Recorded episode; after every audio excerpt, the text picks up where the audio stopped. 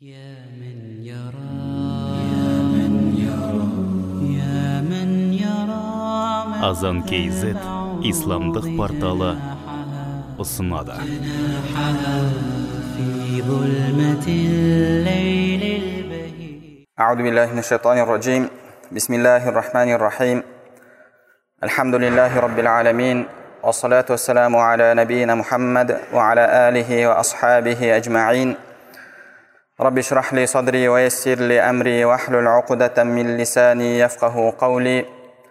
اللهم علمنا ما ينفعنا وانفعنا بما علمتنا وزدنا علما وعملا وتقا وإخلاصا يا رب العالمين. أما بعد السلام عليكم ورحمة الله وبركاته.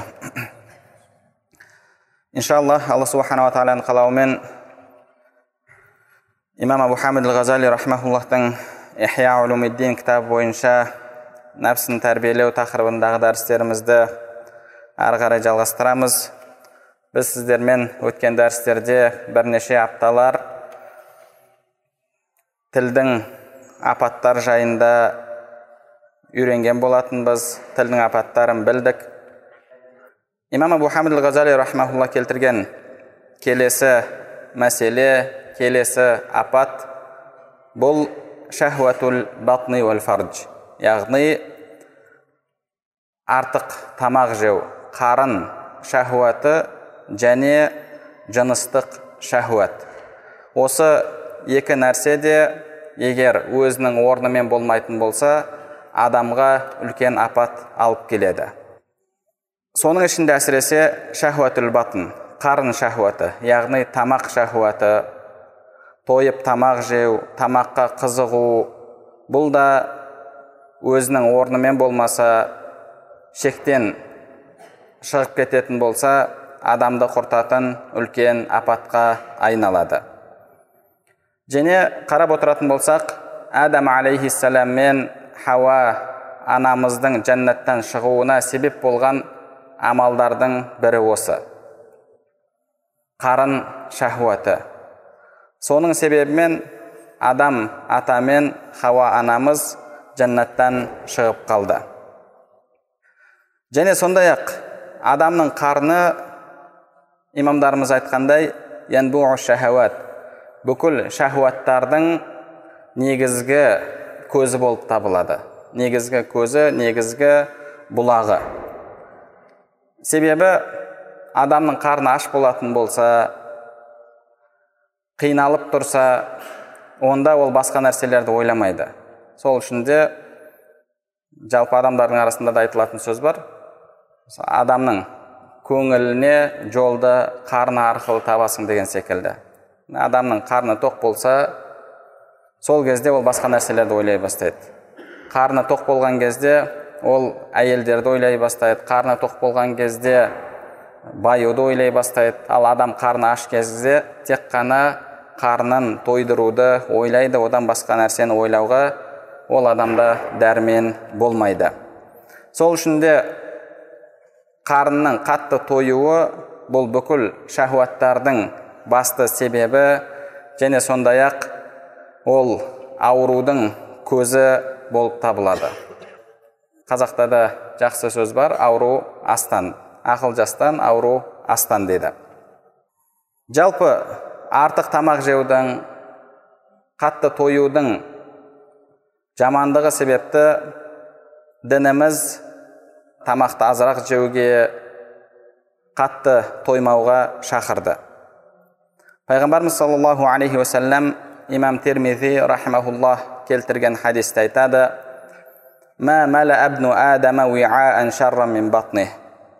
адамның толтырған ең жаман ыдысы бұл оның қарны дейді хасбубну адам луқаймат адам баласына жеткілікті дейді. Луқаймат яғни бірнеше асам тамақ. Юқим насульба оның жүрегін жалғайтын өмір сүруге дәрменді ететін деңгейде тамақ жеуі оған жеткілікті дейді.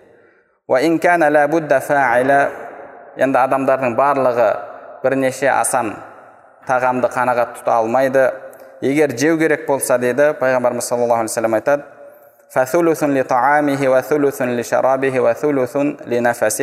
онда үштен бірін тағамға үштен бірін сусынға үштен бірін ауаға арнасын деді. Яғни асқазаныңыздың үштен бір бөлігі ғана тамақпен толуы тиіс. Одан кейін үштен бір бөлігі суға ар жағында қалған үштен бір бөлігі ауаға қалуы тиіс. Ал біз өкінішке орай көп жағдайда қарнымызды тойдырып аламыз да артынан қиналып демала алмай кейде бір кекіруге де шамамыз келмей сонымен кола пепси іздеп кететін жағдайларымыз болады. Пайғамбарымыз саллаллаху алейхи уассалам бізге тағам жеудің әдебін көрсетіп жатыр. Үштен бірі тамаққа үштен бірі сусынға үштен бірі ауаға дейді.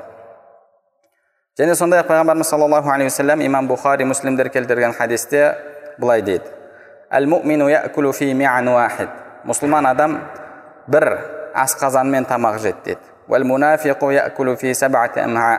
ал мунафиқ адам болса жеті асқазанмен тамақ жейді дейді оның шархында ғұламаларымыз яғни одан жеті есе көп жейді жалпы оның шахуаты қарын шахуаты жеті есе артық болады деген мағынада дейді. Хадисті ғұламаларымыз осылай түсіндіреді. Яғни оның биологиялық тұрғыдан жаратылыс тұрғысынан жеті асқазаны бар деген сөз емес.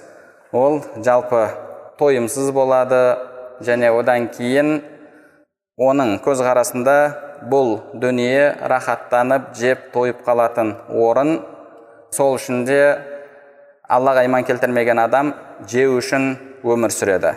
Жеу үшін өмір сүреді. Мұсылман адам өмір сүру үшін жейді. Және өмірді алла тағалаға құлшылық жасау үшін сүреді яғни тағамның өзі өз алдына бір мақсат емес. Тағамның өзі өз алдына мақсат емес. Және бір риуаяттарда айша анамыздан келеді бір екі айға дейін екі айға дейін үйімізде от жағылмайтын біздің тағамымыз тек қана екі қара болатын деп келеді. Екі қара бұл су және құрма. Ал әбу хурайра радиаллаху анху айтады пайғамбарымыз саллаллаху алейхи уассалам кейде сол үш күнге дейін тек қана нан жейтін осылайша өмірден өтті дейді яғни тағамы тек қана хубзул хента дейді яғни бағанағы біздің немен айтатын болсақ әлгі жүгеріден жасалған немесе сондай бір сапасы төмендеу болған нан болатын дейді біз секілді күніне бірнеше тағамды первый второй қылып бағанағы тамақ жеп оның үстінен тағы тамақ жеп олай пайғамбарымыз саллаллаху алейхи уассалам өмір сүрмеген. Омар радиаллаху анху айтады яғни артық тамақ жеуден сақ болыңдар ол бұл дүниеде сендер тірі кезде ауырлық ал өлген кезде сасықтық дейді. Яғни көп жеген көп тойған адам ертең қайтыс болған кезде де көбірек сасиды деген ол кісі сөзді айтқан. Имам фудайл ибн аяд рахмаулла айтады ол кісі өзіне өзінің нәпсісіне қарап айтатын. Неден қорқып жатсың? Аш қалудан қорқып жатсың ба? Ол нәрседен қорықпа? Анти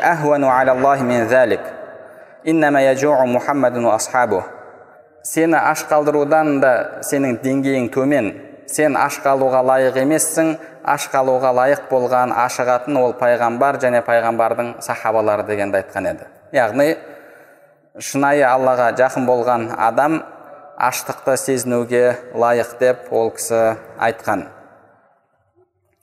Және сәхл ибн абдилла рахмауллахтан келетін сөз бар. Құлшылыққа тең келетін басқа амалдардың ең абзалы бұл артық тағамды тастау дейді. Артық тағамды тастау. Жалпы тағамды тастауда көптеген пайдалар бар. Сол пайдалардың бірі сафаул қалб адамның жүрегінің таза болуы. Адам көп тамақ жейтін болса әрдайым тойып жүретін болса бұл оның жүрегін соқыр етеді. Сол үшін де лұқман әл хаким дана лұқман өзінің баласына айтқан я бунайя ей балам егер асқазан толатын болса тамақпен нәмәтел фикра онда адамның пікірлеу қасиеті ұйқыға кетеді хикма және даналық көзі жабылады даналықтың аузы жабылады деді яғни ол адамға ешқандай бір даналық сөзде даналық пікірде келмейді және ағза мүшелер құлшылықтан қалады дейді. Бұның барлығына себеп болатын артық тамақ жеу. Және тойып тамақ жемеудің екінші пайдасы бұл қалби адамның жүрегінің жұмсақ болуы дейді. Адамның жүрегі жұмсақ болатын болса сол жүрек зікірдің ләззатын сезіне алады. Яғни адам тойып алып алланы зікір етемін дейтін болса зікірдің ләззатын сезіне алмайды. Имам әл жунайд имам жунайд тасауф саласының үлкен имамдарынан өте тақуа өте білімді имамдардан. Сол кісі айтқан мынандай сөз бар.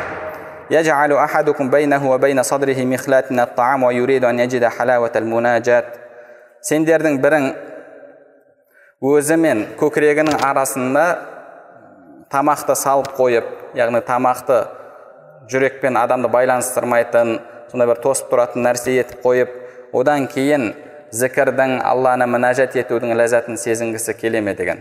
Ол үшін адамның жүрегін адамның өзінен нәпсісінен тамақ тоспауы қажет. Үшінші пайдасы бұл әлинкисар уа зүл адамның тәкаппарлықтан менмендіктен өзін басқалардан жоғары қоюдан арылуы. Ал менмендік болса тәкаппарлық болса бұл әлбетте шектен шығудың және басқа да жамандықтардың кілті болып табылады. Адамның қарны ашатын болса бұл адамнан тәкаппарлық кетеді. Ал әрдайым тоқ жүрген әрдайым тамақтан ешқандай проблема көрмеген аштықты сезінбеген адамда жүрегінде тәкаппарлық болады. Сол үшін де пайғамбарымыз саллаллаху алейхи уассаламға алла тағала дүниені дүниенің қазиналарын ұсынған кезде пайғамбарымыз саллаллаху алейхи уассалам айтты мен бір күн аш болайын бір күн тоқ болайын қарным ашса соған сабыр етейін саған жалынып жалбарынайын. Ал тойған кезде саған шүкіршілік етейін деген еді. Хадисті имам ахмад имам термизилер келтіреді. Басқа бір риуаятында алла тағала маған меккенің сайын алтынға толтырып беруді ұсынды дейді.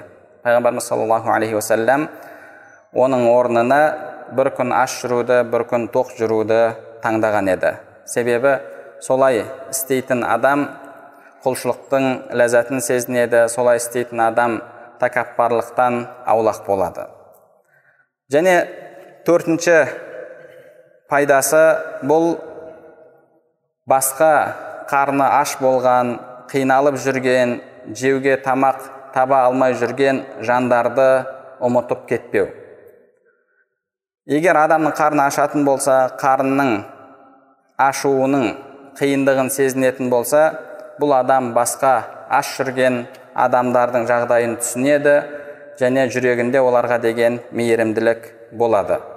Ал егер олай болмайтын болса адам әрдайым тоқ жүретін болса тоқ жүрген адам аш жүрген адамдарды ұмытып қояды. Олардың халін түсінбейді адамдардың барлығы өзі сияқты тоқ өзі сияқты ешқандай бір қиындық көрместен жүр деп ойлайды. Алдыңғы кітаптарда келеді юсуф алейхисалам астық сақталған қазынаға басшы болып тұрған кезінде көп аш жүреді екен. Неге енді сенің қолыңда сонша астық тұр қолыңда билік бар деген кезде юсуф алейхисалам айтқан мен өзім тойып тоймай жүрген аш жүрген адамдарды ұмытып кетемін бе деп қорқамын деген. Ал егер адам аш жүретін болса онда аш жүрген қиналып жүрген адамдардың жағдайын түсінеді. Және ол адамның әлбетте жүрегінде мейірімділік рахымдылық көп болады. Бесінші пайдасы кәсру шахауатил мааси түрлі күнәларға адамды қызықтыратын шахуаттар бар сол шахуаттарды сындыру және жамандыққа бұйыратын нәпсіні басқара білу нәпсіні адам басқару үшін керісінше оның құлдығына өтіп кетпеу үшін аштықты сезінуі қажет имам абу хамид ғазали айтады күнәлардың барлығының негізгі басты себебі бұл адамдағы шахуат дейді. Ал адамдағы шахуатты күшейтетін нәрсе әлбетте бұл тағам. Егер тағамды азайтатын болсаңыз сіздің шахуатыңыз азаяды. Сол үшін де пайғамбарымыз саллаллаху алейхи уассалам үйлене алмай қиналып жүрген үйленуге шамасы болмай жүрген адамдарға ораза тұтыңдар деді. Ол жердегі ораза тамақты аз жеп кешке тағы да аз жеп нәпсіні сындыратын шахуатты әлсірететін ораза егер таңертең тойып жеп алып одан кейін кешке дейін соны қорыта алмай жүріп кешке ауыз ашқан кезде тағы да тамақ жеп оны кейін таңға дейін тағы да сіңіре алмай жүретін болсаңыз бұл нәпсіні әлсірететін шахуатты азайтатын ораза емес яғни адам аш жүретін болса өзінің нәпсісін басқара алады. Егер әрдайым тоқ жүретін болса әрдайым асқазанда бір ауырлық сезініп жүретін болса бұл адам жамандыққа бұйырушы нәпсінің құлдығына өтіп кетеді. Ал шынайы бақыт бұл адамның өз нәпсісін басқара білуі нәпсінің тізгінін қолына алуы нәпсінің құлдығына өтіп кетпеу нәпсінің құлдығына өтіп кетпеу.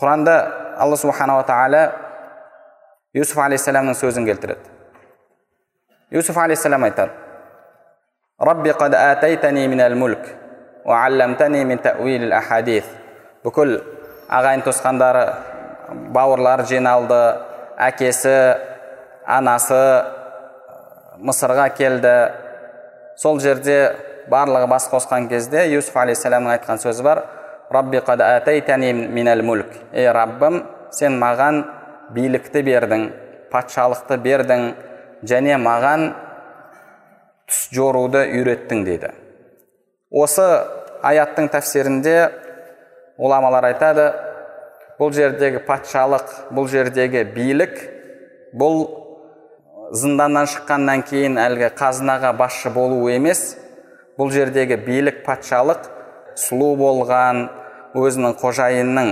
әйелі зинаға шақырған кезде төсек қатынасына шақырған кезде өзін басқара білу өзінің нәпсінің үстінен патша бола білу билігі еді деді ол соны айтып рабби мүлк ей раббым сен маған басшылық бердің маған билік бердің маған патшалық бердің деп аллаға шүкіршілік айтып жатыр деді. Адам қашан нәпсінің үстінен билік жүргізеді нәпсін өзінің қолына алады. Сол кезде ол адам мәлик яғни әлгі мүлк иесі болады патшалық иесі болады басшылық иесі болады.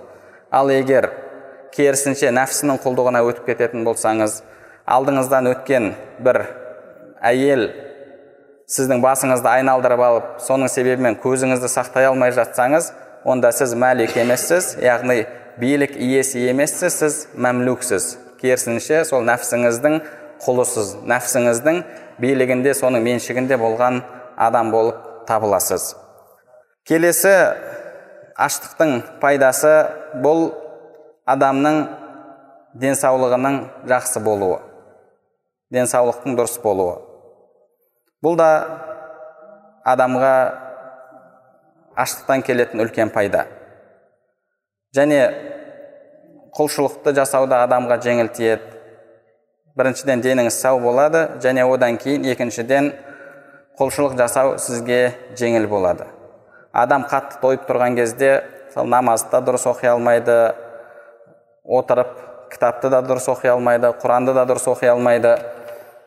Өзіміздің күнделікті өмірден тәжірибеден де білеміз. Мысалы ораза кезінде қарның ашып көбірек жеп қойсаң хатымға тұрған кезде хатымға шыққан кезде өте ауыр тиеді хатым оқу неге себебі қарның тойып тұрады асқазаны толып тұрады ол кезде адам бір рахаттанып тұрып құранды да оқи алмайды ал егер асқазаныңызда тағам аз болып жеңіл тұратын болсаңыз қырағаттың оқыған намазыңыздың ләззатын сезіне аласыз пайғамбарымыз саллаллаху алейхи уассалам суму ораза тұтыңдар ораза тұту яғни аштықты сезіну нәпсіні әлсірету тасиху ораза тұтсаңдар денсаулықтарың жақсы болады деген еді.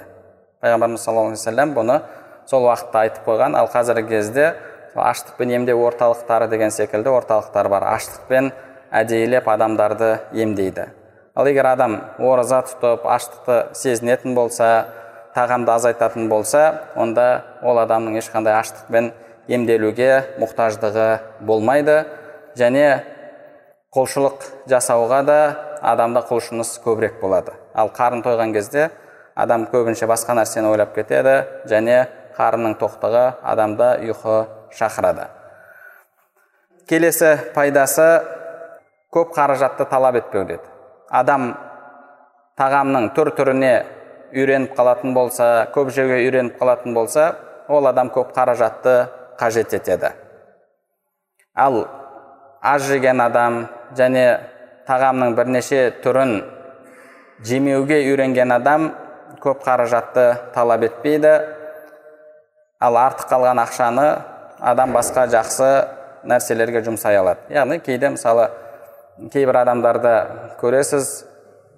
Кісінің бірде айтқан естіген едім өз айналдырған үйінде бір үш төрт адам бар.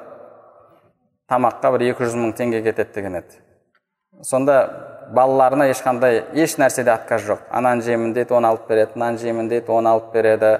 Өздері де яғни түр түрін тамақтың жейді. Сонда екі жүз мың теңгедей ақша тек қана тамаққа кетеді дейді ал енді мысалы жүз мың теңге немесе одан да азырақ айлықпен соның ішінде әлгі оның күнделікті қаражаты бар тамағы бар басқасы басқасы бар соның барлығыны сол азғантай ақшаны жеткізіп жүрген адамдар бар. Енді ол балдарды бір нәрсені жеуде жоқ деген сөзді естімеген ешқандай отказ көрмеген балдар сол нәрсеге үйреніп қалады. Ол адамдар егер тапшылыққа тап болатын болса қиыншылыққа кезігетін болса өмірден түңілуі мүмкін түрлі жаманшылыққа баруы мүмкін. Мысалы бір тамақты жақсылап жасап қоятын болса түсте жеуге болады оны кешке жылытып тағы жеуге болады. Түске бір тамақ кешке бір тамақ болуы әлбетте шарт емес бұл адамның яғни қаражаты да үнемделеді артық қаражатты басқа қажеттеріңізге жұмсасаңыз болады немесе біреуге көмектесуге де сізде мүмкіндік болады жалпы дінімізде жақсы сөз бар адам баласы дүние дүние деген сөзді айтады дейді فليس للعبد من ماله إلا ما تصدق فأبقى أو أكل فأفنى أو لبس فأبلى яғни адамға мысалы дүние дүние деп дүние жинайды бірақ сол дүниеден оның үлесі тек қана садақа беріп ақиретке қалдырғаны немесе жеп жегеннен кейін ары қарай қажеті шығып кетеді немесе киіп тоздырған киімі ғана деді шынында да қарап отыратын болсақ бір адамда жүз миллион доллар ақша болады байлығы біреуде тағы одан көп миллиардер миллионер әйтеуір яғни шіріген байлар. Бірақ сол адамның сол бүкіл дүниесінен үлесіне соның барлығын ол дүниесінде сол сүрген өмірінде жұмсап тастайды ма жаратып жібереді ме жоқ жаратып жібермейді. Оның алғаны сол дүниесінен тек қана жегені киіп тоздырған киімі және садақа берсе ақиретке қалдырғаны осыдан басқасының барлығы басқаға мирас болып қалады.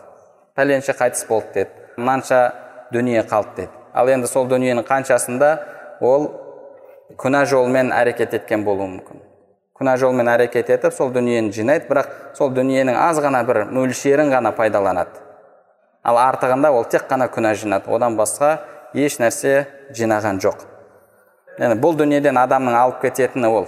Жегені киіп тоздырғаны және одан кейін ақиретке қалдырған ақиретке жинаған сауабы садақасы берген зекеті одан басқа адамға дүниеден ешқандай пайда жоқ. Одан басқасы оның үлесі емес. Яғни оның меншігінде тұр мүлкінде тұр банкте сақтаулы тұр. Бірақ ол одан қандай пайда көрді? Ешқандай пайда көрген жоқ. Сол үшін де ол оның үлесі емес. Оның үлесі оның несібесі емес. Ол балаларына артында қалған ұрпақтарына мирас болып қалады. Олар ертең қызығын көрер немесе дұрыс емес жұмсайтын болса оны жаратып тастап банкрот болар. Ең жаман нәрсе басқа біреудің рахаты үшін басқа біреудің ләззаты үшін сіздің күнәға батуыңыз сіздің тозаққа жануыңыз. Басқа біреу сіз рахатын көреді сол үшін сіз тозаққа жанасыз. Әлбетте бұл үлкен бақытсыздық. Ал енді адам аз жеуге үйренуі қажет. Ол нәрсе жайында имамдарымыз айтады. Адам аз жеуге әлбетте бірден емес әсте әсте үйренуі қажет дейді. Егер ол күнде көп тамақ жеп үйреніп қалған болса онда бірден тамақтың барлығын тастап бірден аштыққа өтуіне болмайды. Бұл нәрседен ол керісінше қатты әлсіреп қалуы мүмкін дейді. Сол үшін де яғни күнделікті мысалы бүгін яғни үш мезгіл тамақ жейтін болсаңыз соны азайту таңғы уақытта мысалы азырақ бір нәрсе жеу одан кейін түскі тамағыңызды первый второй емес. Оны тек қана мысалы второйын қалдыру кешке первый второй жеп жүрген болсаңыз тек қана первыйын қалдыру деген секілді. Осылай азайтуы қажет дейді. Ал егер бірден азайтамын десе ол адам зиянға ұшырауы мүмкін ұрынып қалуы мүмкін дейді. Бұл имамдар бұл мәселені айтып жатқан кезде яғни басынан өткізген осы нәрсені күнделікті өмірінде тәжірибеде көрген одан кейін барып бұл нәрселерді айтады. Яғни мысалы имам абу хамид ғазали рахмаулла осы кітабын жазудан алдын яғни он жылдай ол кісі құлшылыққа берілген зікірде отырған ораза тұтқан одан кейін барып осы кітапты жазған. Одан алдын ол кісі назамия деген медреседе сабақ берген. Назамия деген медреседе сабақ беру ол ғалым үшін яғни ең үлкен армандайтын арманды одан артық үлкен болды. Енді мен мынандай деңгейге жетсем дейтін ода ешқандай арман болмайды. Мысалы бір профессор барып оксфордта гарвардта сабақ беретін болса ол үшін бұл ең үлкен атақ ең үлкен дәреже болып табылады. Ол кісі сондай деңгейге жеткен. Бірақ қараса нәпсі бар атақты жақсы көріп жатыр ішінен бір кемшіліктерді көріп жатыр. Сөйтіп не істеймін бұны тастайын ба тастамайын ба деп өзі ол жайында жазады. Алты ай ойланады. Алты ай ойланады. Қатты ойланған кезде кей күндері ол кісінің тілі сөйлеуге келмей қалады. Қатты адамның нерв жүйесі күйзеліске түскен кезде. Таңдау бұл жерде. Атақ абырой барлық ғалым ғұлама деп құрметтеп жатыр. Соның барлығын тастап жеке құлшылыққа кету адамдардың арасында есімі ғайып болады. Бірақ осы жолды таңдады және 10 жыл құлшылықта болды. Одан кейін барып осы кітапты жазды. Бұл кітап ихя улумиддин дейді дін ғылымдарын қайта тірілту дейді ихя араб тілінде тірілту дегенді білдіреді. Кейбір ғалымдардың айтқан сөзі бар кім ихя кітабын оқымаса ол ахия яғни тірілерден емес деген сөзді айтқан неге себебі шынында да алла тағала бұл кісінің жүрегін ашқан ал жүрегін ашу үшін ол кісі сонша жыл әрекет етті құлшылықта болды осы тағамды азайту мәселесінде барлығын басынан өткізді одан кейін барып осы сөздерді жазды яғни бұл кісі теоретик емес тек қана отырып алып былай болу керек былай болу керек деп өзі өмірден көрмеген тек қана естіген білген айтып отырған адам емес. Ал енді тағамды азайту деген кезде ол қанша мөлшерде деген мәселеге қатысты бұл кісі айтады. Ол ахуалға байланысты жағдайға байланысты адамға байланысты өзгере береді дейді. Яғни мысалы бақуат адам бар сол үшін де ол адамның жағдайына және жалпы қандай жағдайда соған байланысты дейді. Мысалы адамның жалпы тамақты тойып жеуі негізі шариғат бойынша дұрыс емес. Ал бірақ ораза тұтайын деп жатсыз. Ораза 18-19 сағатқа созылады. Аз жесеңіз тез қарныңыз ашып қалады. Ондай кезде көбірек жеуге рұқсат деді көбірек жеуге және суды көбірек ішіп алуға рұқсат. Неге себебі аш жесе ол тез әлсіреп қалуы тез ашығып қалуы мүмкін. Сол үшін ол жағдайға байланысты мысалы бағанағы қатты қыстың суығында жұмыс істейтін адам бар жылы орында отырып жұмыс істейтін адам бар сыртта жүрген адам қарны тез ашатын болса қарны ашса ол адам көбірек тоңады. Яғни ол жағдайға байланысты және адамға байланысты адамның дене бітіміне де байланысты нәрсе. Оны мынанша деп белгілеп беру қиынға соғатын дүние дейді. Шейх саид хауа деген ғалым өткен. Сол кісі өзі сириялық кісі ливан мемлекетіне қонаққа келген өте денелі кісі еді деді. Енді денелі болғаннан кейін мысалы бағанағы ә, көлігіңіздің объемы дейді ғой мөлшері қуаты үште бес болатын болса оның оған кететін ә, жанармай да әлбетте мөлшері көбірек болады бірде алты болса оныкі азырақ болады деген секілді. Ол кісі өте денелі кісі болған. Тамақты жақсылап жеп отырса бір адам отырып алып жанында енді мұқатып кекетпекші болып я шейх пайғамбарымыз саллаллаху вассалам айтқан емес па? Үштен бірін тамаққа үштен бірін сусынға үштен бірін ауаға деген емес пе? деген. Ар жағын айтпаған әлбетте ақылды адам не айтпақшы болып жатқанын түсінеді. Сонда шейх саид хауа рахмаулла ол кісіге күліп қарап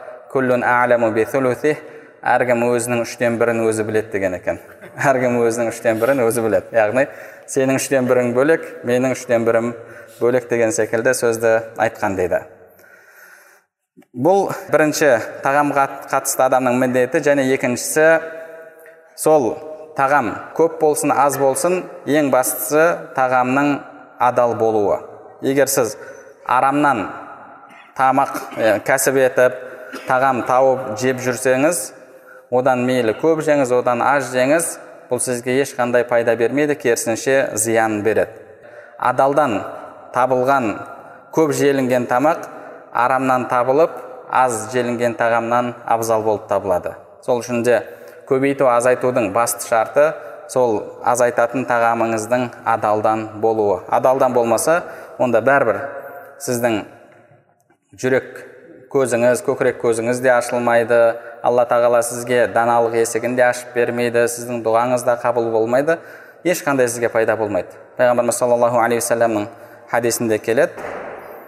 Бір кісі жайында айтады. Сафар көп сапарда жүреді деді. Әшат ағбар шашы ұйпа тұйпа үсті шаң сапарда көп жүргендіктен. Бұрынғы кездегі сапарларды білесіздер. Түйеде жүреді атта жүреді. Шаң тозаң құм деген секілді. Ол адам шаршайды жүдейді сапарда жүрген адамның бет әлпеті бірден байқалады. Сондай адам қолын көтеріп дұға жасайды дейді. Я раб ей раббым раббым деп дұға жасайды. Бірақ мәлбәсуху харам мәшрабуху харам матамуху харам бил харам тағамы харам ішкені харам жегені харам кигені харам барлығы харам оның дұғасы қайдан қабыл болсын деді. Яғни ол мың жерден көп сапар шексін бұл жерде сапар шегу меккеге мединеге әл ақсаға сондай қасиетті жерлерге деді. Ол қайта қайта умра жасайды ол қайта қайта қажылығын жасайды. Меккеге барады мединеге барады әл ақсаға барып намаз оқиды. Бірақ жегені ішкені тапқаны барлығы харамнан. Ол адамның дұғасы да қабыл болмайды құлшылығы да қабыл болмайды еш нәрсесі қабыл болмайды. Сол үшін азайту көбейтуден алдын бірінші ойлануыңыз керек. Бұл тағам қайдан келіп жатыр? Адал тағам ба арам тағам ба? Бірінші соған көңіл бөлу қажет. Және тағамның түрін азайту міндет болып табылады. Тағамның түрін азайту міндет. Бірде омар радиаллаху анхуге язид ибн әби суфиян радиаллаху анху екі үш түрлі тамақ жеп жүр деген хабар жетеді. Өзінің қызметшісіне айтады ана пәленшінің үйінде кешкі тамақ жейтін уақыт болған кезде маған айт деді. Жарайды деді. Әлгі кісінің үйінде тамақ жейтін уақыт болған кезде омар радиаллаху анху үйіне барады. Қонақ сияқты барады. О кіріңіз кіріңіз отырыңыз отырады. Сөйтіп алдына тағам келеді. Қуырылған тамақ келеді. Омар радиаллаху анху язид ибн әби суфиянмен бірге отырып жеп алады. Жеп болғаннан кейін тағы да екінші тамақ келеді. Язид ибн әби суфиян қолын созады омар радиаллаху анху қолын тартып алады. Жемей қояды. Жемейсіз ба деген кезде омар радиаллаху анху айтады. Субханаллах я язид таам тағамнан кейін тағы да тағам жейсің бе деді қазір тағам жедің ғой енді тағамның үстінен тағы да тағам жейсің бе деді және والذي نفس عمر بيده لئن خالفتم عن سنتهم ليخالفن بكم عن طريقهم омардың жаны қолында болғанымен ант ішіп айтамын деді яғни алла тағаламен ант ішіп айтамын егер сендер пайғамбарымыз саллаллаху алейхи уассаламның сүннетіне қайшы келетін болсаңдар онда алла тағала өзінің жолынан сендерді ұзақтатып қояды адастырып қояды деген еді. Жалпы тағамды азайту деген сөзіміз бұл мүлдем нәпсіні өлдіріп тастау мүлдем тамақтан бас тарту деген сөз емес. Хайрул умури аусатуха істің ең жақсы ортасы. Жалпы ол табиғатты адам шахуатын мүлдем өлдіріп тастау яғни ешқандай тамақ жемейтін деңгейге жету бұл әлбетте мүмкін емес мүмкін емес. Ал енді дінімізде мысалы аз тамақ жеуді ашығуды мақтап келуінің басты себебі адамның табиғаты әрдайым тойып тамақ жегісі келеді. Тойып тамақ жеп шектен шыққысы келеді. Адамның нәпсісі бір нәрсенің мына шетін қалап тұрса шариғат келіп оның екінші шетін мақтайды. Екінші шетін мақтайды яғни оның ортасы болу үшін адам соның ортасына келу үшін. Себебі адамның табиғатына түгелдей қарсы шығып табиғатын өзгертуі мүмкін нәрсе емес. Мысалы дінімізде жалпы күндіз ораза тұтуды түнде намаз оқуды қатты мақтап келді. Қатты мақтады. Енді кейбір сахабалар соған амал етіп амал етуде шектен шыққан кезде яғни біреулері түні бойы ұйықтамай намаз оқимын деді. Екінші біреулер айтты мен өмір бойы ораза тұтамын деді. Дініміз ораза тұтуды мақтап келді ғой. Бірақ мақтаудан мақсат яғни адамға мысалы тағам нәпсісіне жағымды нәрсе болса ораза ауыр нәрсе болатын болса ауыр нәрсені мақтаған кезде осы екеуінен орта жолдың пайда болуы негізі мақсат тұтылады. Сол үшін де пайғамбарымыз саллаллаху алейхи вассалам өмір бойы ораза тұтамын түні бойы намаз оқимын деп шектен шыққан сахабалардың өзін қайтарған еді. Сахабалардың өзін қайтарды. Енді орта жол дегеніміз не? Имам абу хамид айтады. Ол асқазанға ешқандай ауырлық сезінбейтіндей және аштықтан асқазан ауырмайтындай қиналмайтындай етіп жеу дейді яғни жейсіз мысалы өзіңіз білесіз тағам жейсіз. Одан кейін жалпы айтылады адам тамақ жеп болғаннан кейін бір 15-20 минуттан кейін барып адамның миына тойдың деген сондай сигнал түседі деді. Адам оғанға дейін ойлауы мүмкін тойған жоқпын деп жеп жеп алады бірақ артынан өзінің артық жеп қойғанын біледі. Сол үшін де азғантай жейсіз біраздан кейін өзіңіздің тойғаныңызды білесіз сол уақытта сізге тоймаған сияқты болып тұрғанымен негізінде тойған боласыз. Сол үшін де аз ғана тамақ жеп қарынды ашпайтын және артынан кекіріп қиналмайтындай етіп орта етіп тамақ жеу осы сіздің денсаулығыңызға да пайдалы және құлшылық жасауыңызды да жеңілдетеді. Осы нәрсені істесеңіз шахуатул батын яғни қарын шахуатынан иншалла құтыласыз және қарныңыздың құлына айналмайсыз. Керісінше қарын шахуаты басқа да шахуаттарыңыз сіздің құлдығыңызға өтетін болады. Алла субханала тағала бәрімізді түрлі сондай шахуаттардың құлына айналып кетуден сақтасын бәрімізге пайдалы білім нәсіп етсін білімдерімізге амал етуімізді және амалдарымыздың қабыл болуын нәсіп етсін.